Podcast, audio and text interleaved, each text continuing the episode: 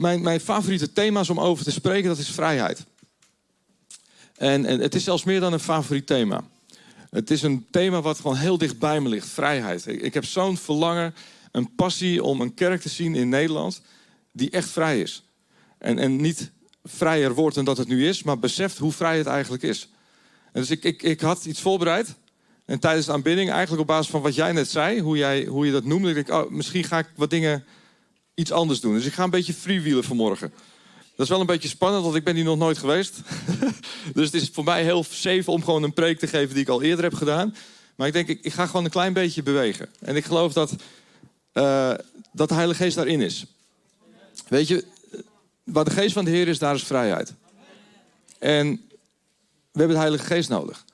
Weet je, de Heilige Geest die kun je, of vrijheid kun je proeven en ervaren. Wist je dat? Je kunt in een plek zijn waar je vrijheid ervaart. En hoe komt dat? Dat is een plek waar de Heilige Geest is. Dus als je op een plek komt waar onderwijs gegeven wordt of waar andere dingen gegeven worden, maar je merkt de aanwezigheid van de Heilige Geest niet zo sterk. Maar als de Heilige Geest er wel sterk aanwezig is, dan ervaar je vrijheid. En daar wil ik gewoon een moment voor bidden. Heilige Geest, wilt u op dit moment deze zaal vullen met uzelf. Heer, u bent hier al. Dat ontkennen we niet. U bent alomtegenwoordig. U bent hier op dit moment. U vult deze ruimte. En tegelijkertijd, Heilige Geest, nodigen we u uit omdat we zoveel verlangen naar meer.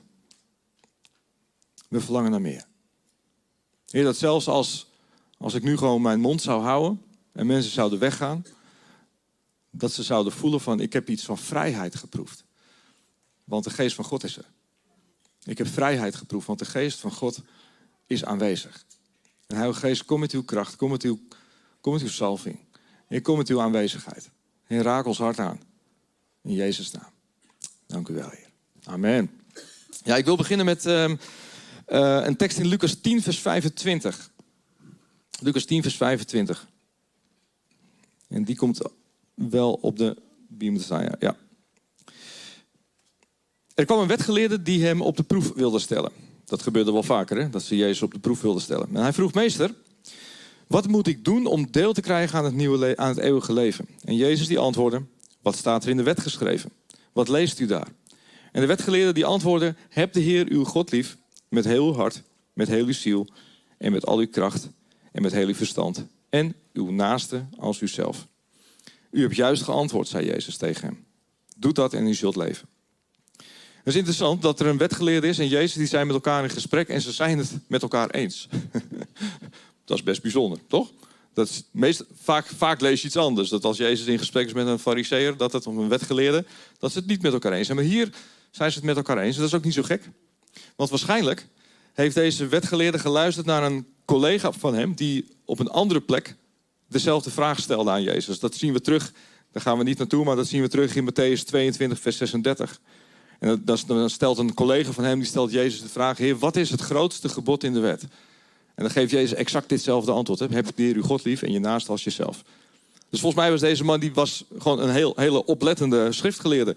Die denkt, oh ja, dit was het antwoord van Jezus. En hij herhaalt eigenlijk het antwoord van Jezus. Hij zegt, heb de ander lief zoals jezelf. Eigenlijk wat Jezus zegt, als hij, als hij uh, de wet en de profeten, eigenlijk wat Jezus doet, hij, hij verwijst naar het oude verbond. Als, er staat de wet en de profeten, is dat vaak een, een verwijzing naar het oude, naar het oude verbond. Dus Jezus die verwijst naar het oude verbond. Heb de Heer uw God lief en uw naaste als uzelf. En heb je al eens over nagedacht dat die wet, dat het eigenlijk een hele inferieure wet is. Een wet die niet volmaakt is. Heb de Heer uw God lief en je naaste als jezelf. Dus ik focus even op het gedeelte en je naaste als jezelf. Maar, maar eigenlijk is dat geen volmaakte wet.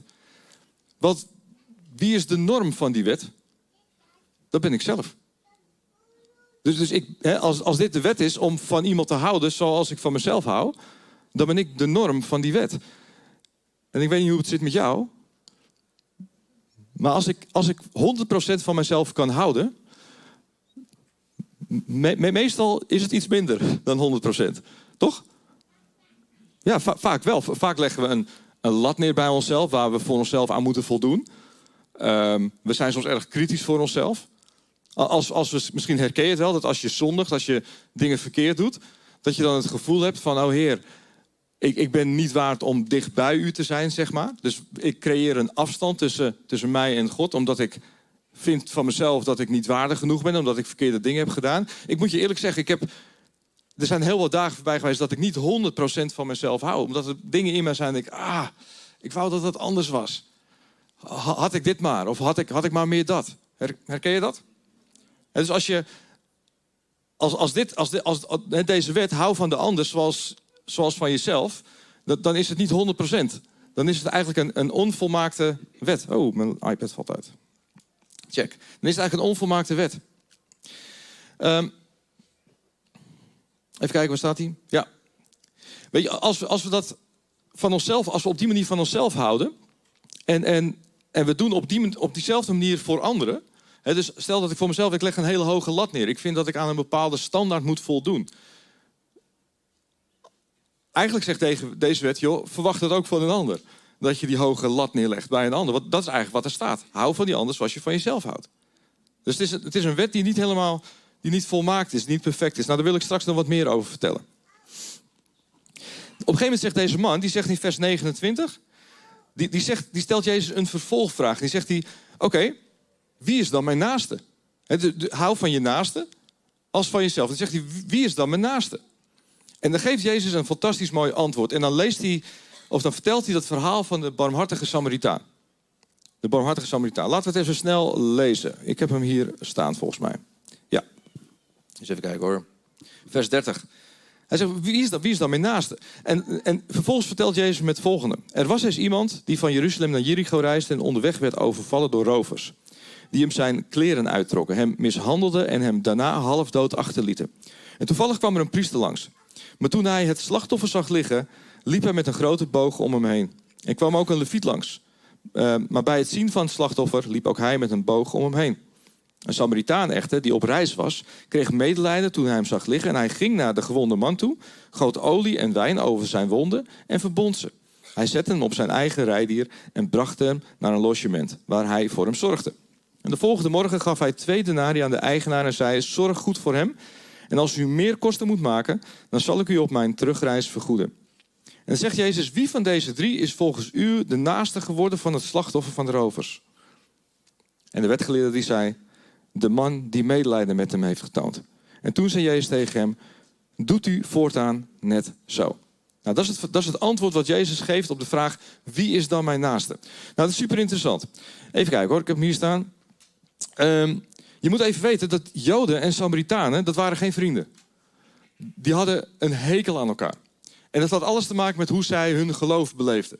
Dus, dus Joden en Samaritanen, die hielden niet van elkaar, die wilden niet bij elkaar zijn, die, die wilden niet naar elkaar luisteren en, en zelfs niet, zelfs niet ja, in elkaars uh, aanwezigheid zijn. Dus Joden en Samaritanen, die, uh, die waren geen vrienden van elkaar. Het is ook interessant dat deze wetgeleerde, die zegt niet, oh, de Samaritaan is mijn naaste. Hij zegt, oh, dat is die man die barmhartigheid toonde. Hij kreeg niet eens over zijn lippen om de barmhartige een Samaritaan te noemen dat zegt al iets over um, ja, het sentiment tussen Joden en Samaritanen. Oké. Maar Jezus die geeft dus eigenlijk een compleet andere definitie van naaste. Want je moet weten dat voor een Jood was je naaste, dat was een andere Jood. Dat was je broer of dat was je zus. Maar, maar Jezus zegt, oké, ik ga je een nieuwe definitie geven van wie je naaste is. Dus je, naaste is niet langer, het is allemaal nog in het oude verbond. Dit is dat is niet je mede-Jood, dat is niet je broer of je zus.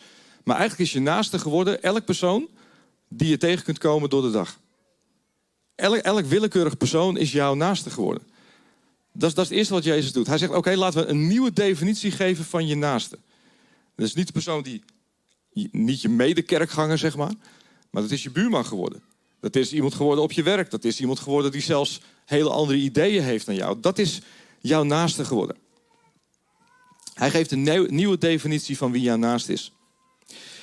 Ehm, het leuke is ook dat hij dat zelf doet in de bergreden. Maar dat, dat sla ik maar even over. Even kijken. Ja, dat sla ik even over. Ik ben een beetje aan het schakelen. Misschien heb je het door. Dat is freewheelen, hè? ja. Hm. Oké, dat, is, dat is het eerste wat Jezus doet. Hij zegt, ik, ik geef je een nieuwe definitie van je naaste. Komt-ie. Hier wil ik naartoe. Johannes 13, vers 34. Dit is zo mooi. Dan zegt Jezus, hij is met zijn leerlingen in gesprek. En dan zegt hij, ik geef jullie een nieuw gebod. Een nieuw gebod. En dan zegt hij, heb elkaar lief zoals ik jullie heb lief gehad. Zo moeten jullie elkaar lief hebben. En aan jullie liefde voor elkaar zal iedereen zien dat jullie mijn leerlingen zijn. Dit vertelt Jezus aan zijn leerlingen. En eigenlijk is dus liefhebben niet nieuw. Maar hij zegt, ik geef jullie een nieuw gebod. Ik, ik, ik geef je een gebod wat compleet anders is dan het oude gebod. Wat is hier anders? Wat is hier anders? Wat was de norm van de, van de oude wet? Dat was jezelf. Jezus zegt, ik geef een nieuwe definitie van wie je naast is. En tegelijkertijd geef ik je een andere opdracht. Ik maak mij tot norm van liefde. Dus je opdracht is niet meer om van de ander te houden zoals je van jezelf houdt. Maar de norm is geworden dat je van de ander houdt zoals ik van jou heb gehouden. Hoe heeft, hoe heeft Jezus van jou gehouden? Hoe heeft hij dat laten zien? Noem eens wat. Kun je iets harder? Ja, door zichzelf te laten kruisigen. Ja. Dat, dat, is, dat is het antwoord die je vaak hoort. Maar moet je je voorstellen, dus Jezus zit met zijn leerlingen aan tafel. En hij zegt tegen zijn leerlingen, ik geef je een nieuw gebod. Hou van de ander zoals ik van jou heb gehouden. Dachten deze leerlingen aan de kruisiging? Nee, want die was nog helemaal, had nog helemaal niet plaatsgevonden. Sterker nog, dat zat niet eens in hun hoofd. Want zij verwachten namelijk dat Jezus zou komen als koning. Ze hadden helemaal niet de verwachting dat hij zou sterven aan een kruis. Dat, dat weten wij, maar dat wisten die leerlingen niet. Maar Jezus die zegt tegen zijn leerlingen: hou van de ander zoals ik van jou heb gehouden. Hij zegt dus eigenlijk: joh, hoe ben ik met jou de afgelopen drie jaar omgegaan?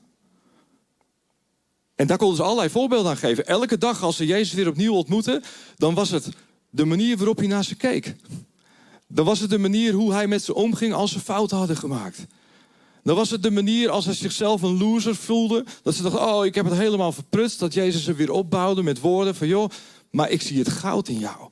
Ik zie het goud in jou en ik heb een hoopvolle toekomst voor jou. En ik wil je, wil je tot herstel brengen. Ik zie, ik zie potentie in jou en ik heb een plan met je leven. Dus de manier waarop Jezus met hen omging. Jezus zegt, joh, kijk eens terug naar de afgelopen drie jaar. Elke keer dat we gingen barbecuen, elke keer als we gingen vissen, elke keer als we op pad waren met elkaar. Dat we fun hadden met elkaar. Als we plezier hadden, als we elkaar ontmoeten, als ik in de ogen heb gekeken. Denk daar eens aan terug. Dat is exact dezelfde manier. Dat is de manier waarop je van een ander mag houden.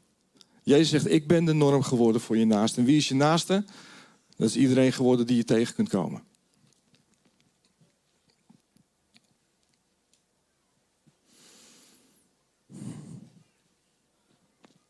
Gelaten 5 en 6.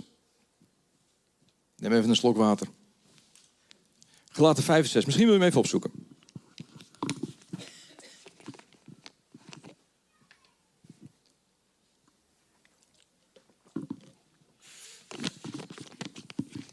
Gelaten 5 en 6. Daar staat het volgende. Hij zegt, in Christus Jezus is het volkomen onbelangrijk of je wel of niet besneden bent. Belangrijk is dat je gelooft en de liefde kent die het geloof zijn kracht geeft. Dit is zo'n waanzinnige uitspraak. Hij zegt in Christus. Wat betekent in Christus zijn? In Christus betekent dat je deel bent van het nieuwe verbond waar Jezus voor gekomen is. Als nieuwe schepping. Wij zijn allemaal, als het goed is, in Christus. Je bent een nieuwe schepping. Hij zegt dus in Christus. Hij zegt, wat is niet meer belangrijk is dat je besneden bent. Maar besnijdenis, dat is niet zomaar een voorbeeld wat Paulus hier pakt. Maar besnijdenis, dat is het teken van het oude verbond. Dat, dat is het teken van de wet en de profeten. Hij zegt, het is dus volkomen onbelangrijk geworden wat er in het oude geschreven is, maar wat belangrijk is geworden dat je in Christus bent en de liefde kent.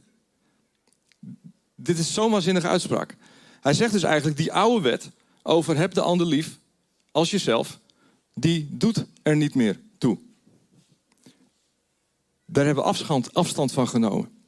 De wet die nu geldt voor jou die in Christus is, is om van de ander te houden zoals Jezus van jou heeft gehouden. Hier ga ik even op in. Want dit heeft alles te maken met wat jij net zei. Dat we soms zo kunnen twijfelen. Maar ik wil een, ik, ik, wil een stapje maken. Weet je, ons morele kompas, dat zijn niet meer de tien geboden. Wist je dat? Het morele kompas, dat is niet meer wat de wet en de profeet hebben geschreven. Ik zeg spannende dingen. maar de wet waar wij mee mogen leven, dat is niet de wet van Mozes, maar dat is de wet van Christus. En wat is de wet van Christus? Die heb ik net gelezen. Hou van een ander zoals ik van jou heb gehouden. We zijn bevrijd van de vloek van die wet. We zijn bevrijd van het oude. We zijn, bevrijd van. Hè, soms nemen we genoegen met van. Oh ja, ik hou van de ander zoals ik van mezelf hou. Maar, dat is oud, oud stuf, oud materiaal. Daar hebben we afstand van. Daar heeft hij ons van bevrijd. We leven onder de wet van Christus. Hou van uw ander zoals ik van jou heb gehouden. Maar is, is dat echt waar? Ik wil een stapje maken naar iets wat ik niet heb voorbereid, maar wat ik wel graag met je wil delen, omdat ik denk dat het iets verduidelijkt. Matthäus 5, vers 17. Daar zegt Jezus het volgende. En ik denk dat dit vaak verkeerd wordt uitgelegd. Matthäus 5, vers 17 staat: Denk niet dat ik gekomen ben om de wet en de profeten af te schaffen. Ik ben niet gekomen om het af te schaffen, maar om het tot vervulling te brengen. Dat is wat Jezus zegt. Maar wat zegt Jezus hier nou? Als je kijkt naar de nieuwe King James, die, zegt, die heeft het over afschaffen. Die zegt het woord destroy, vernietigen. Dus Jezus zegt, ik ben niet gekomen om de wet te vernietigen. Ik ben het gekomen om de wet te vervullen. Maar daar zit een verschil in. Weet je wat vernietigen is? Vernietigen betekent dat als ik hier mijn iPad heb en ik smijt hem op de grond en ik stamp erop, dan ben ik het aan het vernietigen. Dan ben ik het tot een einde aan het brengen waar het niet toe bestemd was. Maar wat is vervullen? Vervullen betekent dat ik het gebruik waarvoor het gemaakt is. En die iPad die is gebruikt om daar vier jaar mee te werken, noem maar wat. En daarna heeft hij, heeft hij ja, dan is, een, dan, dan is hem mee gebeurd waar hij voor gemaakt is. En dan heb ik hem vervuld. Je kunt een auto, die kun je voortijdig vernietigen door hem tegen een boom aan te parkeren. Maar je kunt ook die auto vervullen door er 250.000 kilometers mee te maken. Dus wat Jezus hier zegt, ik ben niet gekomen om de wet en de profeten te vernietigen, om het weg te doen, om het voortijdig te beëindigen. Hij zegt, maar ik ben gekomen om het te vervullen. Om het tot het einde te brengen waartoe het bestemd was, waartoe het gemaakt was. Het oude is voorbij. Dat geldt niet meer voor jou als je in Christus bent. Kijk eens naar Lucas 16, vers 16. Lucas 16, vers 16, daar staat: De wet en de profeten die gaan tot aan de dagen van Johannes. En vanaf dat moment klinkt er een andere boodschap, namelijk het evangelie van het koninkrijk. Dus wat zegt hij hier? Lucas 16, vers 16. Die zegt: Weet je, alles wat is geschreven door de wet en de profeten, het oude verbond, het, het oude, ik heb het niet over het Oude Testament, ik heb het over het oude verbond. Want niet het hele Oude Testament is het oude verbond. Snap je dat? Er zit een deel in het Oude Testament wat niet past binnen het oude verbond. Maar het gaat hier over het, de wet en de profeten. De wet van Mozes. Het leven onder dat juk. En eh, hier staat wat de wet en de profeten hebben geschreven. Die gaan tot aan de dagen van Johannes. En vanaf die tijd klinkt er een nieuw evangelie, een nieuwe boodschap, namelijk het evangelie van het koninkrijk. Van een koning Jezus die een nieuw verbond heeft gesloten voor jou en voor mij. Hij zegt dus eigenlijk alles wat is, het is een, een, een soort een streep in het zand van alles wat is gezegd en geschreven door de wet en de profeten, dat stopt bij Johannes de Doper. En wat was de boodschap van Johannes de Doper? Kom tot één keer, want het koninkrijk is nabij. En klinkt een nieuwe boodschap. Anders voorbeeld, Matthäus 17, vers 1. De verheerlijking op de berg. Ik ga hem niet lezen, maar de verheerlijking op de berg. Op een gegeven moment zie je dat Jezus, die gaat dan met Petrus en een paar anderen, gaat hij de berg op. En wie ontmoet hij daar? Mozes en Elia. Waar staat Mozes voor? Mozes staat voor de wet en Elia staat voor de profeten. Jezus, Petrus is daar met Jezus op de berg. En op een gegeven moment wordt Jezus die wordt, eh, wordt verheerlijkt. En hoe dat eruit ziet, dat weet ik niet precies. Maar dan zegt Petrus iets heel interessants. Hij zegt, oh, Heer, laat me een tent bouwen zegt hij. Dat is weer typisch Petrus. Lekker praktisch, happakee, aanpakken die handel. Dus Petrus, oh, laten we een tent bouwen. En, maar eigenlijk wat, wat Petrus aanbiedt, van laten we, een, laten we drie tenten neerzetten. Eentje voor Mozes, eentje voor Elia en eentje voor Jezus. Eigenlijk zegt Mozes, ik wil ze alle drie op de gelijkwaardige manier behandelen. Ik wil ze helpen om een tent, te, eh, dat ze kunnen schuilen in die tent als het straks nacht wordt. Maar op het moment dat hij dat uitspreekt, hij is nog niet uitgesproken, gaat de hemel open, klinkt er een stem en dat staat er niet, maar dat, dat is mijn interpretatie. Dat God zegt, Petrus, hou je muil. Stoppen nu. Je bent de verkeerde dingen aan het zeggen. En wat zegt hij dan? Dit is mijn zoon, Jezus. Luister naar hem. Met andere woorden, de tijd om te luisteren naar Mozes en Elia, die is voorbij. We leven in een seizoen om te luisteren naar koning Jezus. En hij doet zijn ogen open. Wie zijn er verdwenen? Mozes en Elia. En hij blijft over met Jezus. We leven in een andere tijd. We leven echt in een andere tijd. En waarom, waarom vertel ik dit? Omdat het is precies wat jij zei. Soms kunnen we in ons hoofd zitten dat we niet goed genoeg zijn. Soms kunnen we in ons hoofd zitten dat we ergens nog leven in dat oude. Dat we moeten presteren. Dat we, dat we elke keer weer opnieuw het leven met God goed moeten maken. Maar het is zo duidelijk, het oude is voorbij. Je mag leven in een nieuw verbond. We zijn bevrijd. Precies wat Galaten 5, 6, 1 zegt. Het is voor vrijheid dat ik je vrijgemaakt. Je bent bevrijd. Alleen de vraag is, beseffen we dat helemaal? En leven we ook echt in die vrijheid waar Jezus voor gekomen is? Oh, ik hoop dat je me volgt. ja. Weet je wat zo mooi is? Jezus' bediening was erop gericht om dat oude verbond waar Israël in, eigenlijk compleet in vastliep. Want ze probeerden wel. Maar eigenlijk het hele periode tussen de twee testamenten in, hè, van Malachi tot Matthäus, 400 jaar, ze liepen compleet vast. En ze deden keihard hun best. Ze liepen compleet vast. Er kwamen alleen maar veel meer wetjes bij. Honderden wetjes kwamen erbij. En de fariseeërs die werden bedacht, had God niet bedacht. Maar op een gegeven moment waren de fariseeërs in het Nieuwe Testament, die je niet leest in het Oude Testament, die, die kwamen er opeens maar bij. En jij zegt, hij is gekomen om ze te bevrijden van de vloek van die wet. Hij is gekomen om Israël op de eerste plaats te bevrijden van dat juk van, ah, je doet het niet goed genoeg. En wat Jezus eigenlijk doet, hij, hij, hij dient Israël om de overstap te maken van het oude verbond naar dat nieuwe verbond. En dat nieuwe verbond, dat is een verbond van genade en van vergeving. En dat is precies waar jij en ik in mogen leven. Jij zegt, ik heb mijn bloed gegeven voor dat nieuwe verbond. Dat oude, dat oude, dat is er niet meer. Die oude wet van hou van die ander zoals van jezelf, dat is oud. Neem er geen genoegen mee. God heeft iets beters voor je. Hij heeft iets, iets hogers voor je. En dat betekent niet dat je harder je best moet doen, maar zeg, joh, zorg gewoon dat je in mij bent. En dat je je laat vullen met de Heilige Geest. En dan kun je anderen liefhebben zoals ik van jou heb gehouden. Op diezelfde manier. Het is een hoger leven. Het is een rijker leven. Het is een leven vanuit genade en vergeving. Mijn opdracht is om van jou te houden zoals God van mij houdt. En jouw opdracht is om van mij te houden zoals God van jou houdt. That's it. That's it. Dat is de wet waaronder we leven. Om van de ander te houden zoals Jezus van mij heeft gehouden.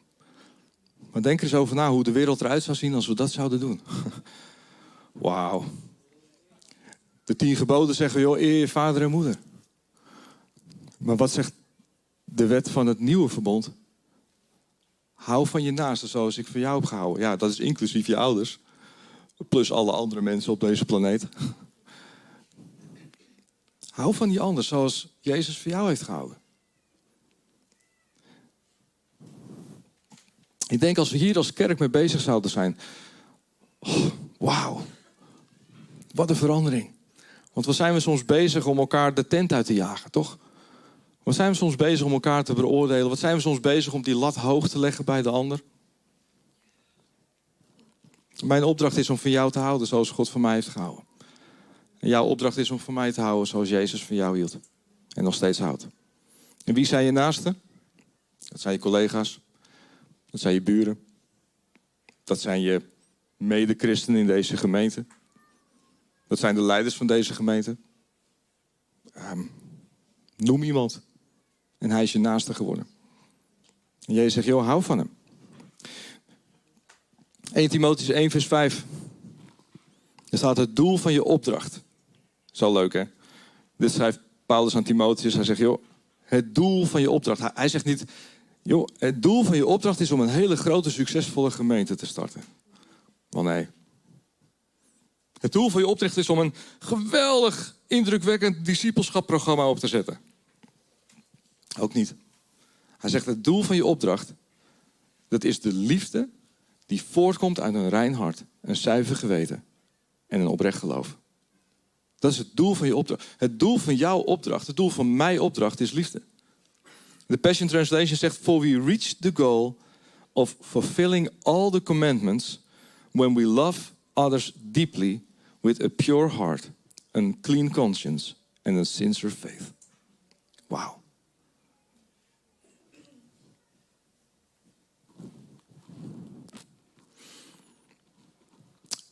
Jezus heeft je vrijgekocht om lief te kunnen hebben zoals Hij. Ken je die mensen die,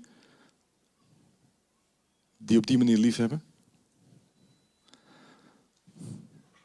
Ik denk dat dat de meest aantrekkelijke mensen zijn die op deze planeet rondlopen. Mensen die zo vrij zijn dat ze in staat zijn om van elk mens te houden.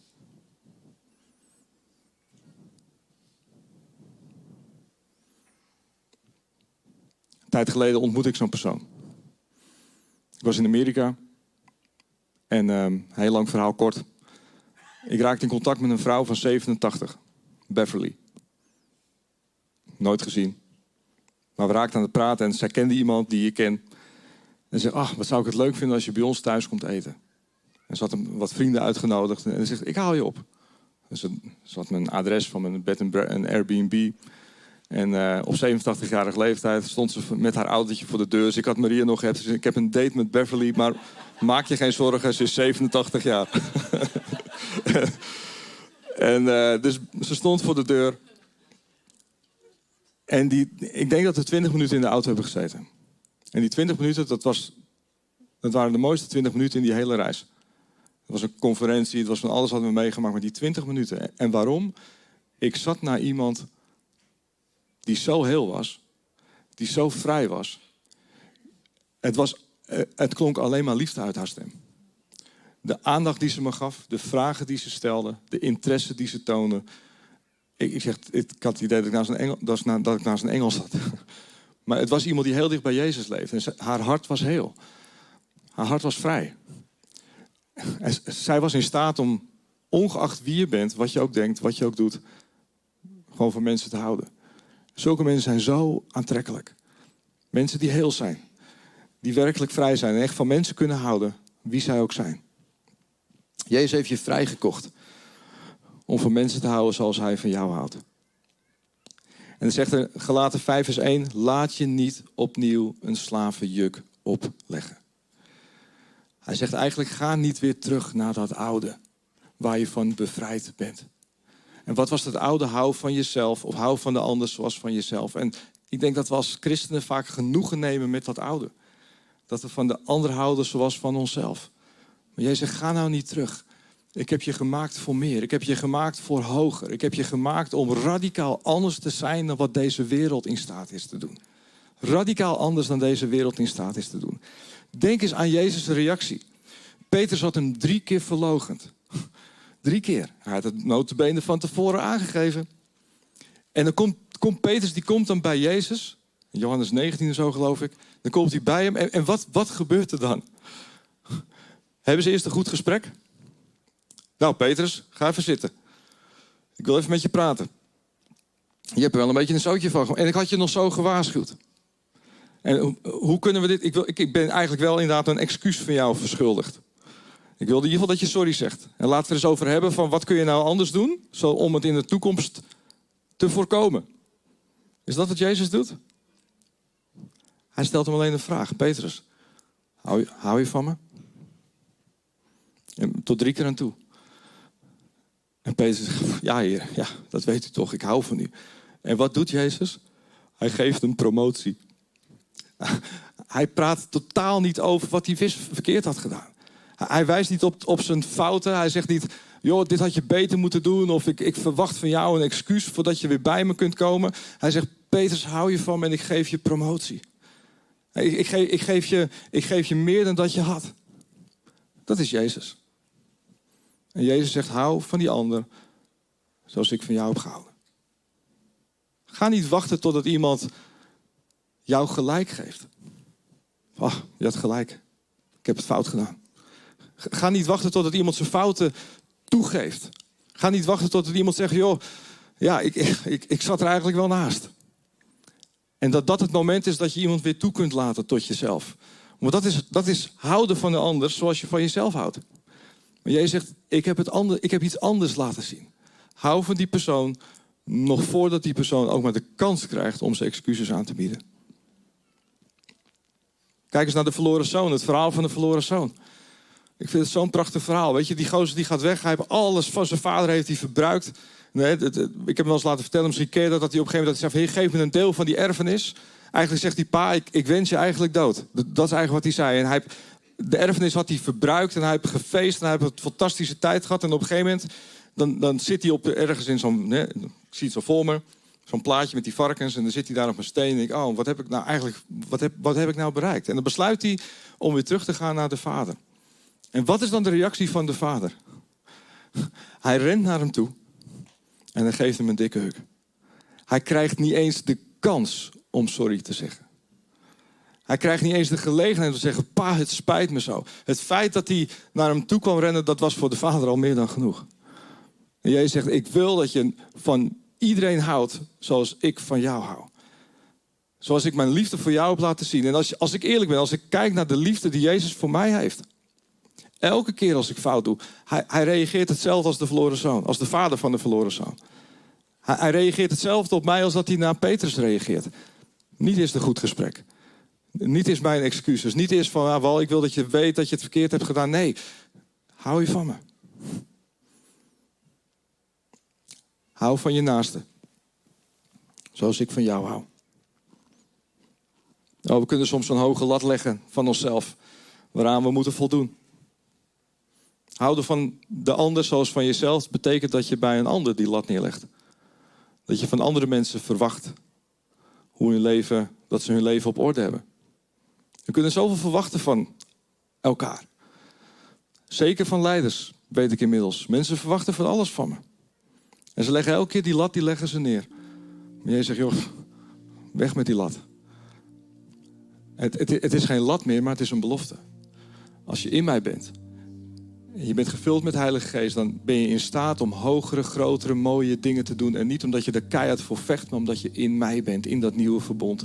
Omdat je afscheid hebt genomen van het oude en het nieuwe hebt ontvangen. Je bent vrij van dat oude.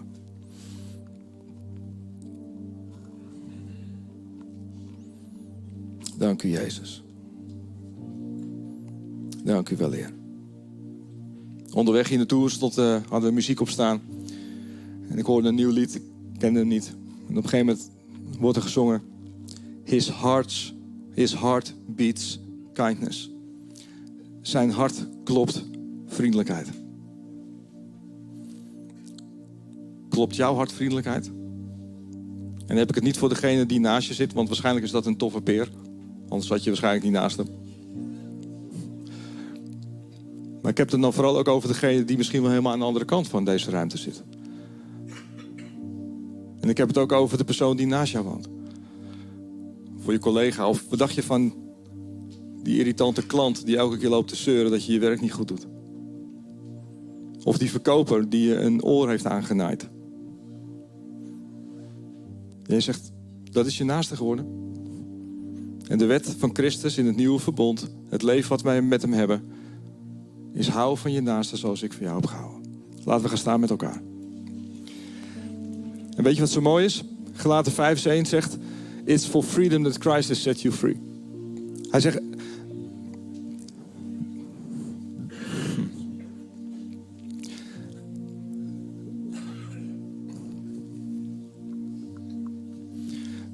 de leugen is om nu te denken dat je vrijer moet worden om dit te kunnen. Maar de waarheid is dat je 100% vrij bent. En dat je je denken vernieuwt naar de realiteit wie jij nu bent. Want jij zegt, it's for freedom that Christ has set you free. Of met andere woorden, hij heeft je niet alleen maar bevrijd van het oude. Maar hij stelt jou in staat om in dat nieuwe te leven. En het heeft alles te maken met hoe je denkt. Weet je, dus we hoeven hier niet een, nu een sessie te doen van vergeving en bekering van, oh Heer, ik heb het niet goed gedaan. Want daarmee bevestigen we eigenlijk het oude. Ik denk wat Jezus zegt, joh, je hoeft, mij geen sorry te zeggen, want ik wist toch al dat je het had verklooid. Toch? Je hoeft mij, ik, wist, ik wist het al. maar hoe zit het nou met die ander? Ik geloof dat God dat tegen ons allemaal zegt van, ik heb liever dat je even naar die ander gaat. Wie het dan ook is. Dan dat je bij mij komt. Maar Jezus ik heb je bevrijd om te leven in vrijheid. En ik geloof dat wij allemaal, als je in Christus bent, dat je in staat bent om zo vrij te zijn dat je van iedereen kunt houden zoals Jezus van jou heeft gehouden. Dank u, Jezus. Dank u wel dat u hier bent, Heer. Dank u wel dat u hier bent, Heer. Wat ik trouwens niet zeg is dat we geen vergeving hoeven te vragen als we fout hebben gemaakt. Want dat geloof ik niet. Ik geloof dat het goed is. Om de relatie, om onze vriendschap met God, om te erkennen van Heer, u bent, u bent belangrijk voor mij. Wat u belangrijk vindt, dat is belangrijk voor mij. Maar wat ik niet geloof is dat we per se vergeving hoeven te vragen om vergeving te ontvangen. Want je bent bevrijd van het oude. Je leeft in het nieuwe, een verbond van vergeving en van genade. Dat is wie je bent. 100%, 24 uur per dag, 7 dagen in de week. Je bent een heilige, je bent een rechtvaardige. Je bent bevrijd van het oude. En je bent in staat om van de ander te houden zoals Jezus voor jou heeft gehouden. Dank u Jezus. Heilige Geest, ik bid hier op dit moment, wilt u komen met uw kracht, Heer. Heilige Geest, dank u wel voor uw vrijheid. Dank u wel voor het leven wat u ons geeft, Heer. Dank u, Jezus.